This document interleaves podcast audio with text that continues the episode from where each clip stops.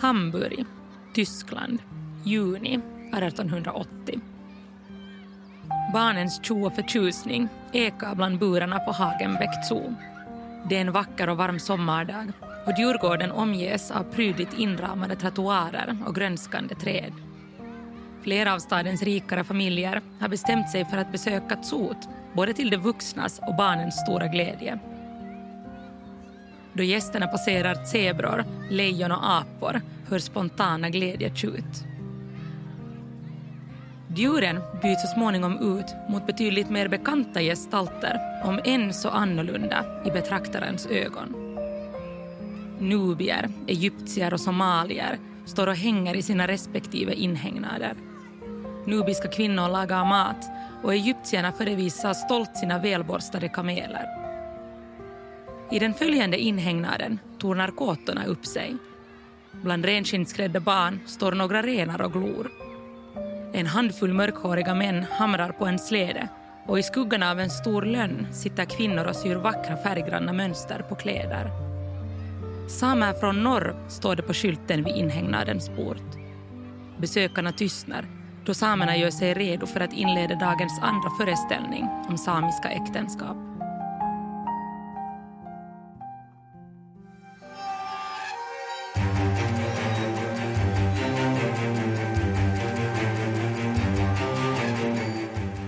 Du lyssnar på Hissapodden med Anna Öhman. Tvångsförfinskningen av samerna.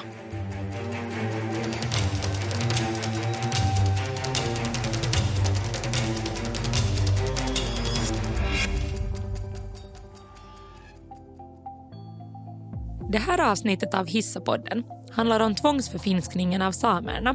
Ett erkänt arktiskt urfolk utspritt i fyra olika länder. Norge, Sverige, Finland och Ryssland. Idag bor majoriteten av världens 75 000 till 100 000 samer i Norge. Av dem är ungefär 10 000 bosatta på olika håll i Finland. Under hundratals år har samerna utsatts för olika slags förtryck. Tvångsinlösning av samisk mark, kyrklig förföljelse och religiös omvändning, rasbiologiska studier, grymma internatskolor och en kamp mot den finska statsmaktens kontroll. Avsnittet baserar sig på Kukkarantas och Jana Kanninens bok Vastatuuleen, Saamen kansan pakkosuomalaistamisesta, på svenska ungefär I motvind, tvångsförfinskningen av det samiska folket, som utkom år 2019. Sameland går förlorat. Sameland, eller Sápmi, syftar på samernas historiska landområde som sträckte sig över de norra delarna av Norge, Sverige, Finland och Ryssland. Idag är samernas officiella hembygdsområde i Finland Enontekis, Enarö och Utsjoki samt Sombio i den norra delen av Sodankylä. Det historiska Sameland var betydligt mer vidsträckt än så och av de tidigare landområdena tillhör idag 90 procent den finska staten. Innan samerna blir en del av nationalstaterna är det samiska samhället indelat i sidor. Sidorna har bestämda gränser och inom sidan fördelas jakt och fiskerättigheter mellan familjerna på området. Det är på 1500-talet samerna, eller lapparna som den svenska administrationen benämner dem, väcker de nordliga statsmakternas intresse som ett potentiellt skattekassaklirr. Sidorna övergår från att betala skatt till de finsktalande birkarlarna i området till att istället styra medlen åt kronan. Nybyggare lockas till de ödsliga trakterna med löfte om skattelättnader. Den svenska statsapparaten befäster så småningom sitt eget administrations-, skatte och handelsmaskineri i området. I mitten av 1700-talet splittras Sameland för första gången av en stadsgräns då gränsen mellan Sverige och Danmark-Norge befästs. Samerna, som är vana att röra sig fritt över skog och tundra med sina renjordar får ändå fortsättningsvis rätt att valla sina jordar över landsgränserna. Under följande sekel blir det ett abrupt slut på den fria rörligheten. Först stängs gränsen mellan Finlands nya övermakt Ryssland och Norge och senare under århundradet också mellan Ryssland och Sverige. Renskötseln försvåras märkbart då renskötande samer strandade på de olika sidorna om gränserna förlorar viktiga sommar och vinterbetesmarker på respektive sida. Samernas tidigare självstyrande sidasystem monteras ner i takt med att allt fler nybyggare anländer och tar över mark i området. Samerna gör uppgivna försök till att försvara äganderätten till sina landområden genom att dra de nyanlända inför rätta, men förgäves. Som om marktvisterna inte vållar huvudbry nog så börjar också många nyanlända livnära sig på renskötseln. Rivaliteten spär på motsättningarna och missämja mellan nybyggare och samer växer sig allt starkare. Under 1880-talet träder den första skogslagen i kraft. Enligt lagen ska all mark utan ägare och områden som det inte uppbär skatt ifrån tillfalla staten. Nu faller stora delar av det historiska Sameland i statens händer trots att samerna de facto under en lång tid betalat skatt för sina ägor. Trots flera utredningar är det fortfarande idag oklart hur processen gick till då äganderätten övergick från samerna till den finska staten. Renskötseln kompliceras snart också på andra sätt. Några år senare blir det obligatoriskt för alla renägare att tillhöra ett så kallat renbeteslag för att få syssla med renskötseln.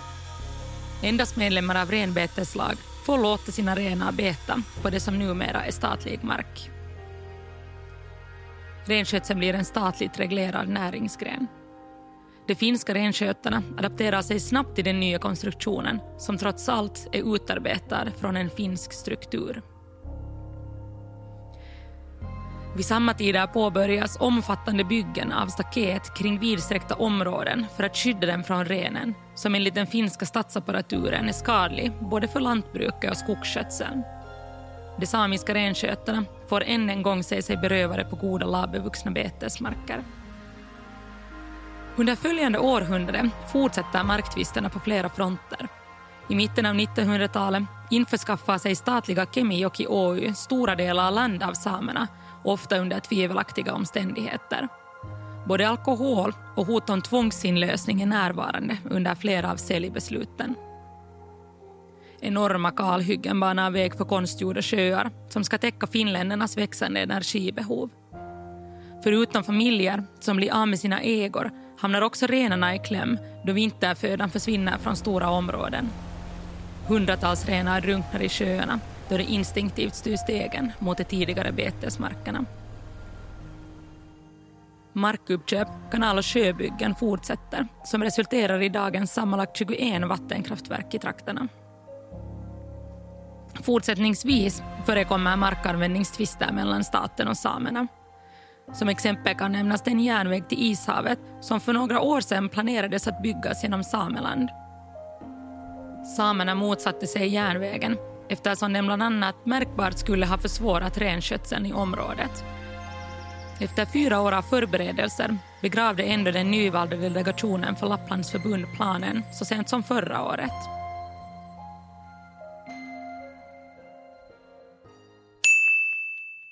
En god kristen är en god undersåte.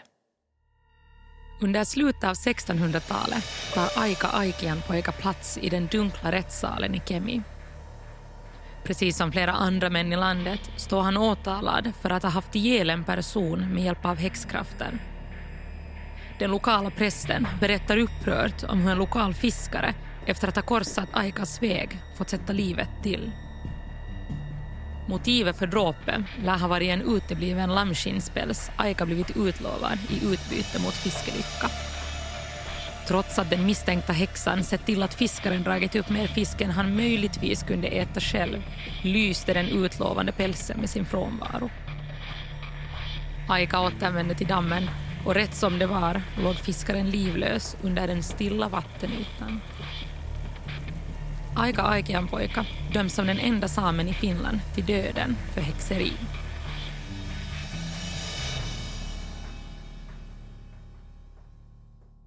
Samernas tidiga andlighet centreras kring naturens krafter och synen på människan som en del av naturen. Omgivningen är uppdelad i tre världar. Gudarnas, människornas och de dödas. De andliga lederna kallas för häxor, noaidi på nordsamiska och fungerar som budbärare som kan resa mellan de tre världarna. Handtillverkade utsmyckade trummor, alla med sin egen berättelse, hjälper häxorna under resorna till den andra sidan.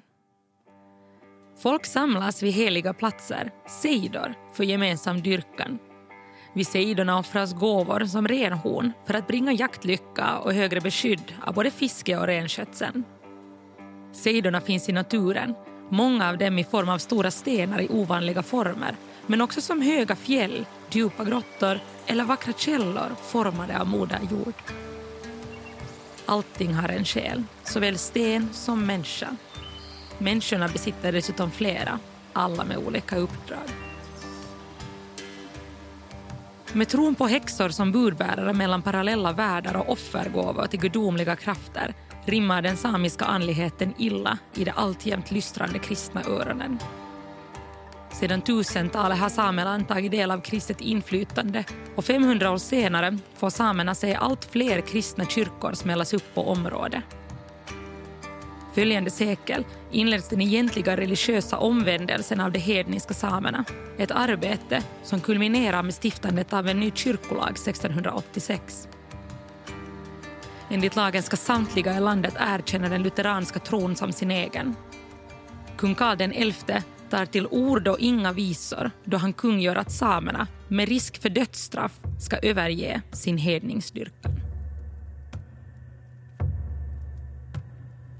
Noaidi får nu en mycket negativ klang och myndigheterna intresserar sig för både trummorna och sejdorna som religiösa redskap. Kyrkligheten är inte sen med att utmåla anhängarna av den traditionella andligheten som djävulens kompanjoner. De som sysslar med denna djävulsdyrkan förföljs av kyrkan som uppmanar samerna till spionage på sina närmaste för att kunna stävja den ondes förekomst i samegemenskapen. Det traditionella samiska sångsättet jojken stämplas som syndigt och förbjuds. I rädsla för trakasserier förstör många samer sina trummor och sejdor. Jojkandet tystnar. Hur samerna tar sig an den nya religionen varierar och gemenskaper splittras då åsikterna kring den nya livsåskådningen går isär. Kyrkan klappar sig nöjt på axeln över den lutheranska trons framfart bland nord och enare samerna. Skoltsamerna introduceras i sin tur till den ortodoxa tron.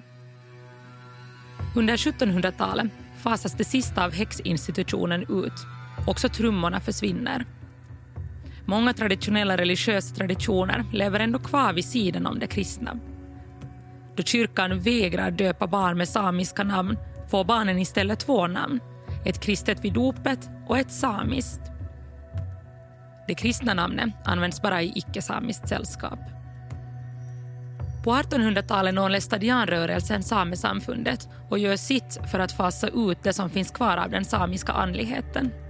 Samiskan ska också gärna bytas ut till finska. Huvudbonaden ladjon en traditionell hög mössa som bärs av samiska kvinnor stämplas som hemvist för den onde på grund av sitt höga utseende som kan liknas vid ett djävulshorn. Ladjorna samlas in och bränns av prästerna. Den kristna kyrkans härningar resulterar i att en stor del av samernas kulturella arv försvinner. De smutsiga och primitiva lapparna Bussen med samiska familjer rullar in på gården framför Enare folkskola. Mot löften om läkarundersökningar och omfattande tandvård har familjerna gått med på att än en gång låta sig undersökas för något forskningsprojekt. Denna gång handlar det tydligen om att dokumentera samernas hälsa och kultur innan det är för sent, som forskaren uttryckte sig. Inne på skolan klär av sig framför mängder av människor.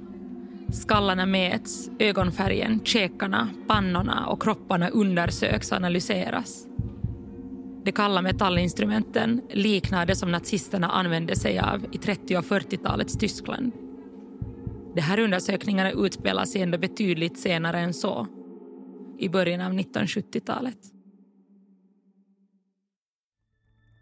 Nationalismens intåg på den europeiska arenan för dryga 200 år sedan väcker många existentiella frågor kring folk och folkslag. Intresse för rasbiologi ökar och nya metoder utvecklas för att kategorisera människor enligt ras och ursprung. I Sameland grävs, med kyrkans godkännande, hundratals skallar upp för undersökningar på andra orter i landet. För samernas del innebär den nya idéströmningen en mängd mätningar och fysiska studier vars slutsats är densamma. att samerna är en primitiv och lägre stående mongolisk ras till den kaukasiska, europeiska rasen i vilken bland annat svenskarna ingår. I sin årsskrift från 1890 skriver Svenska turistföreningen så här om samen. Lappens kropp är i allmänhet välproportionerad, ehuru benen är något korta i förhållande till bålen. Han synes och mindre än han i själva verket är, vilket väl torde bero på den framåtlutande gången och den klacklösa fotbeklädnaden. Den brungrå ansiktsfärgen är väl en följd såväl av växlingen mellan den heta rökuppfyllda kåtan och den skarpa luften utanför som och av lappens idiosynkrasi för vatten. Till saken hör att också finnarna vid den här tiden klassificeras som ett lägre stående mongoliskt folkslag. Kategoriseringen härstammar från den tyska antropologen Johann Friedrich Blumenbachs rasteori från år 1775 som delade upp människosläktet i fem olika raser. Det var Blumenbach som placerade finnarna bland mongolerna men inte på grund av hans vida kännedom om finnar eller deras utseende. Tvärtom så visste han inget alls om folket i norr utan klassificeringen var snarare en gissning från hans sida. Uppfattningen lever ändå kvar och från och med 1920-talet arbetar forskare inom den fysiska antropologin för att förändra synen på samer och finnar som representanter för den mongoliska rasen. Under ledning av Yrjö Kajava reser medicinstudenter runt landet och samlar in information om det finska folket och jämför resultaten med samers, finlandssvenskars och ålänningars. Bland urfolket förekommer ännu en viss undersökningströtthet. Samerna är inte jätteivriga på att dyka upp för att undersökas men med mutor som läkarundersökningar, medicin och tobak går det lättare. Nu skulle man kanske kunna tänka sig att de rasbiologiska undersökningarna av samerna tog slut i samband med att rasbiologin tappade sitt understöd efter andra världskriget. I Finland förekom ändå studier på samerna långt senare än så. Under slutet av 60-talet och början av 70-talet leder läkaren och genetikern Aldur Eriksson ett projekt vars syfte är att undersöka hur människan adapterar sig till en föränderlig miljö. Projektet är en del av en stor internationell forskning kring temat. Till skillnad från andra får den finska filialens forskning tydliga rasbiologiska drag. Precis som på 20-talet lockas samerna också nu till undersökningarna med löften om heltäckande läkargranskningar och vård. Sammanlagt får 1200 samer omkretsen på sina huvuden och kroppsdelar mätta. Deras ögon och hårfärg registreras, likaså hårets krullighet och ögonbottnens pigment. Snedheten på ögonen antecknas. Analyser utförs på hudfärg, pannans, kindbenens, käkens och näsans form. Barnen deltar i olika typer av intelligenstest.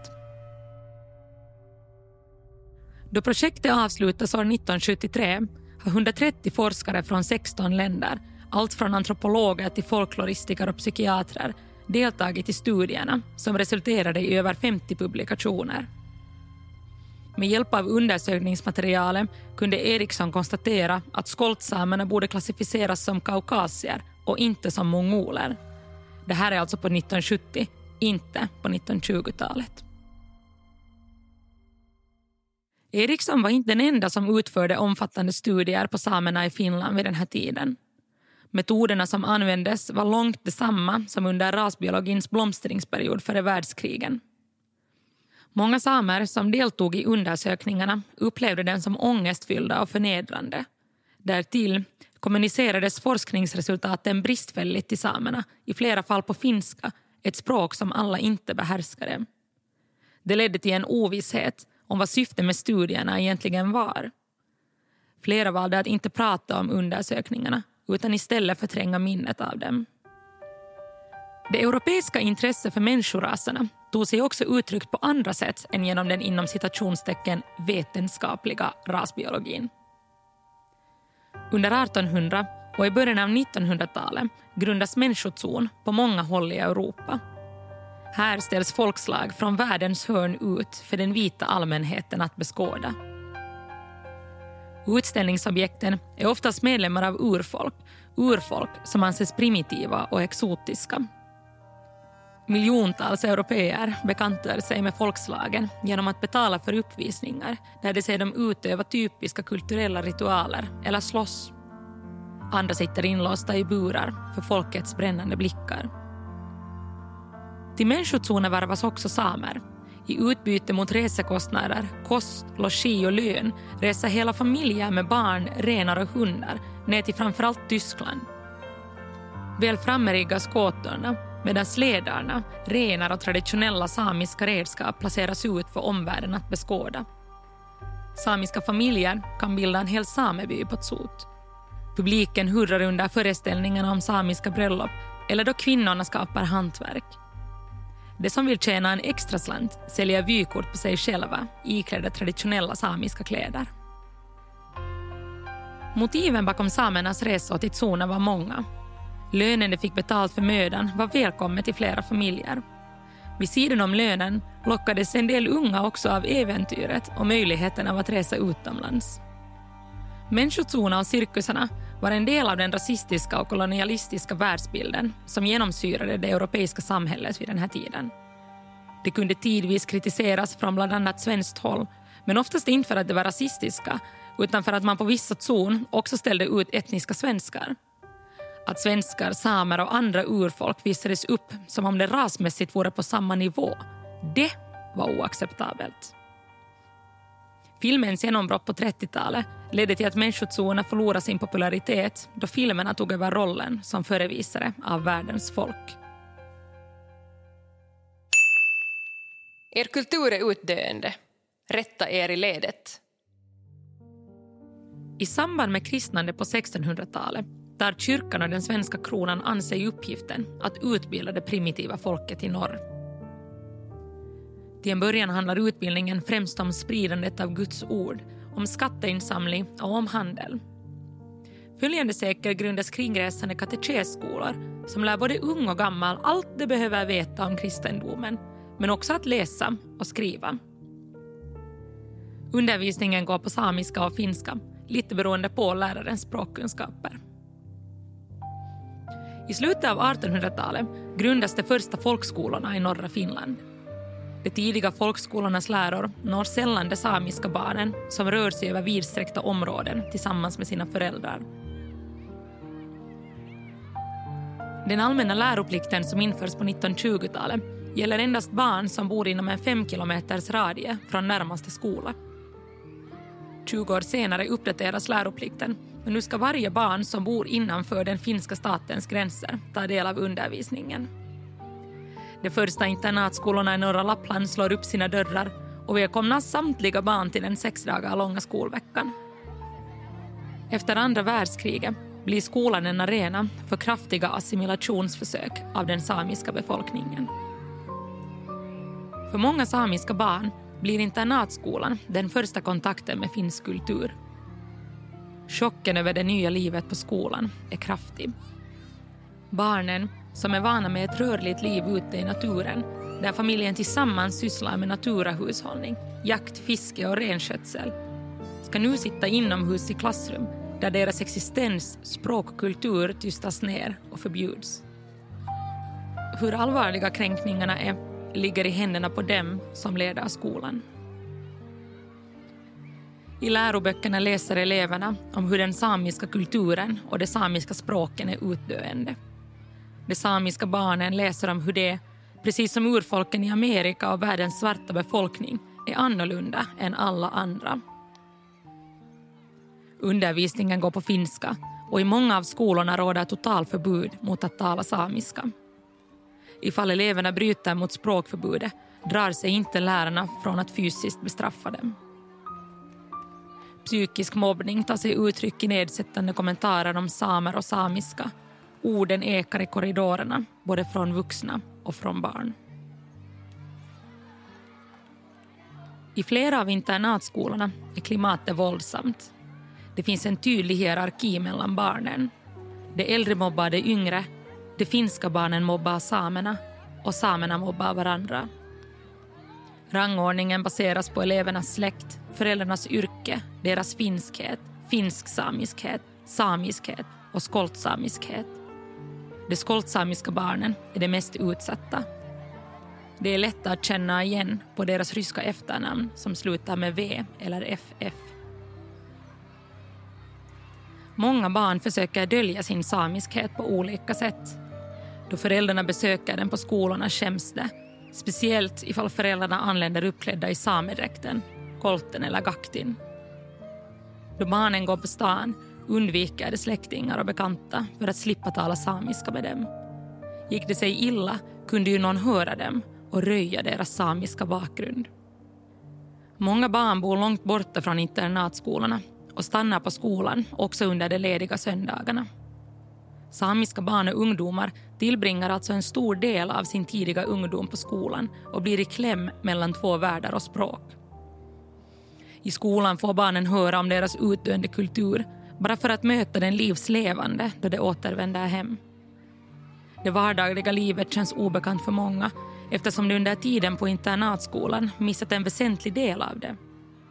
Kunskapen om renskötsel, fiske och handarbetare har tidigare gått vidare från generation till generation genom familjens täta umgänge tillsammans. Det försvåras då barnen växer upp på annan ort mellan skolans fyra väggar. Att vara främling i sitt eget hem är inte en ovanlig känsla. Internatskolsystemet leder till att många inte kan skriva på samiska samtidigt som de har problem med att prata finska. För att lösa språkproblematiken och med en moderlig tanke på barnens bästa och framtid övergår flera samiska hem till att tala finska. En del föräldrar vill också bespara barnen den förnedrande själva utsattes för som samer i de tidiga folkskolorna. Familjer splittras och syskon driver ifrån varandra då språkfrågan tar sig uttryck i att familjens äldsta barn börjar skolan som samiskspråkig medan den yngsta inleder skolkarriären som finskspråkig. Förbudet att tala samiska i skolan sätter djupa spår i många. Upplevelserna i internatskolorna för samtidigt också samerna närmare varandra. Under 60-talet började högljudda protester framföras mot behandlingen av urfolket i folkskolorna. Flera högutbildade samer deltar i planeringen av grundskolereformen som införs i Finland på 70-talet. Grundskolereformen innebär slutet på de mörkaste skolåren för samerna. Språkförbudet som förekom i många skolor ledde till att åtskilliga samer förlorade sitt modersmål, precis som många tidigare. Idag är nordsamiskan med sammanlagt cirka 20 000 talare ett hotat språk. Enare samiskan och skoltsamiskan allvarligt hotade med 400 respektive 300 språkkunniga. Många lyckade försök har ändå gjorts bland den samiska gemenskapen för att ta tillbaka språken och trygga deras fortsatta existens. Under de senaste tio åren har undervisning i samiska språk, undervisning på samiska och tvåspråkig samisk-finsk undervisning i skolorna ökat. Vem ska få bestämma? I mitten av 1990-talet godkänner riksdagen lagar som garanterar samernas kulturella autonomi. Lagarna innebär att samerna i sina hembygdsområden har självbestämmande rätt i ärenden som gäller deras språk och kultur. Sametinget företräder samerna i de här frågorna och vart fjärde år skrider samerna till val. För att få rösta i Sametingsvalet ska du vara godkänd som röstberättigad same av Sametingets valnämnd. Sedan 1950-talet har frågan om vem som är same diskuterats politiskt och språket har på ett eller annat sätt alltid haft betydelse. Under de senaste åren har debatten om vem som är same varit inflammerad och utmynnat i en kamp mellan Sametinget och den finska staten. Problematiken bottnar i en samisk rädsla för att personer som uppfyller de lagliga kraven på att vara same men de facto inte är bekanta med eller lever i någon slags kontakt med den samiska kulturen att de här personerna får inflytande över samiska ärenden genom att kunna rösta i Sametingsvalet. Enligt en av lagens definitioner kan en person vars ättling i tiden har antecknats som fjäll-, skogs eller fiskelapp också registrera sig som same ifall de anser sig vara det. Problemet ligger i att också icke-samer som sysslar med en traditionellt samisk näringsgren nedtecknades som same, eller lapp som det hette på den tiden. Det betyder att personer som har en lappanteckning i jordeböcker, låt oss säga sex generationer tidigare, lagligt kan definieras som same ifall hen så önskar. Det här utan någon beröringspunkt i den samiska kulturen eller säkerhet om det verkligen funnits samer i släkten. Det förekommer en oro bland samerna att denna paragraf utnyttjas av personer som vill ha ett inflytande över beslut som till exempel rör mark och fiskefrågor i Sameland. Trots att en person enligt lagen definierats som same har ett antal personer under 2000-talet nekats rösträtt av Sametingets valnämnd eftersom det inte uppfyllt kraven tinget ställt på samiskhet. Kritiker menar att det inte är Sametingets uppgift att bestämma vem som är same eller inte. 2015 prövades fallen i Högsta förvaltningsdomstolen som i strid med Sametingets beslut beviljade personerna rösträtt i Sametingsvalet. Högsta förvaltningsdomstolens beslut överklagades till FNs kommitté för mänskliga rättigheter som år 2019 gav Finland en anmärkning om att domstolens dom kränkte samernas självbestämmanderätt som urfolk. I sitt beslut förpliktade kommittén Finland till att framförallt se över lagparagrafen som definierar vem som är same. Redan 2015 var det meningen att sametingslagen skulle ha förnyats. Trots att både regeringen, Sametinget och Skoltsamernas byråd stödde lagförslaget förkastade riksdagen det till allas stora förvåning med 162 röster mot 28. Flera års arbete rann ut i sanden och Sametingets ordförande Klemetti Näkkäjärvi avgick i protest. Efter att samernas rättigheter lyste med sin frånvaro under följande regeringsperiod gick regeringen Marins förslag på en ny sametingslag vidare till riksdagen i november 2022 trots att regeringspartiet Centern motsatte sig förslaget. Den nya lagen definierar inte längre vem som är same utan vem som har rätt att bli antecknad i Sametingets vallängd. I fortsättningen ska det enligt lagförslaget definieras på språklig grund eller genom föräldrars medverkan i tidigare vallängder. I lagförslaget är paragrafen om lappanteckning i de tidigare befolkningsanteckningarna struken helt och hållet. På det här sättet definierar inte längre lagen vem som är same utan tar endast ställning till vem som kan ställa upp och är röstberättigade i sametingsvalet. Personer som fortsättningsvis vill definiera sig som samer trots att de inte kan antecknas i vallängden har all rätt att göra det. I början av 2023 ska riksdagen behandla lagförslaget och det återstår att se vad slutresultatet blir. I januari 2023 har Finland fortfarande inte ratificerat ILO 169, det internationella avtalet om urfolks rättigheter. Konventionen strävar efter att rätta till de negativa följder som tidigare försök att assimilera och integrera urfolk i majoritetsbefolkningen har haft. I Finland har samerna under flera hundra års tid utsatts för olika typer av förtryck och försök till att smältas in i majoritetsbefolkningen. De senaste årens rättsliga och politiska beslut är exempel på hur beslut om samernas ärenden fortfarande fattas på en nivå som är utom räckhåll för den samiska befolkningen. Frågor om mark och vattenanvändning står fortfarande olösta. En positiv utveckling kan ändå ses bland den nya generationen samer som inte längre skäms för sitt ursprung eller sitt språk. Finland och finländare har ändå en lång väg att gå för att uppmärksamma, respektera och främja samernas rättigheter och kulturella arv.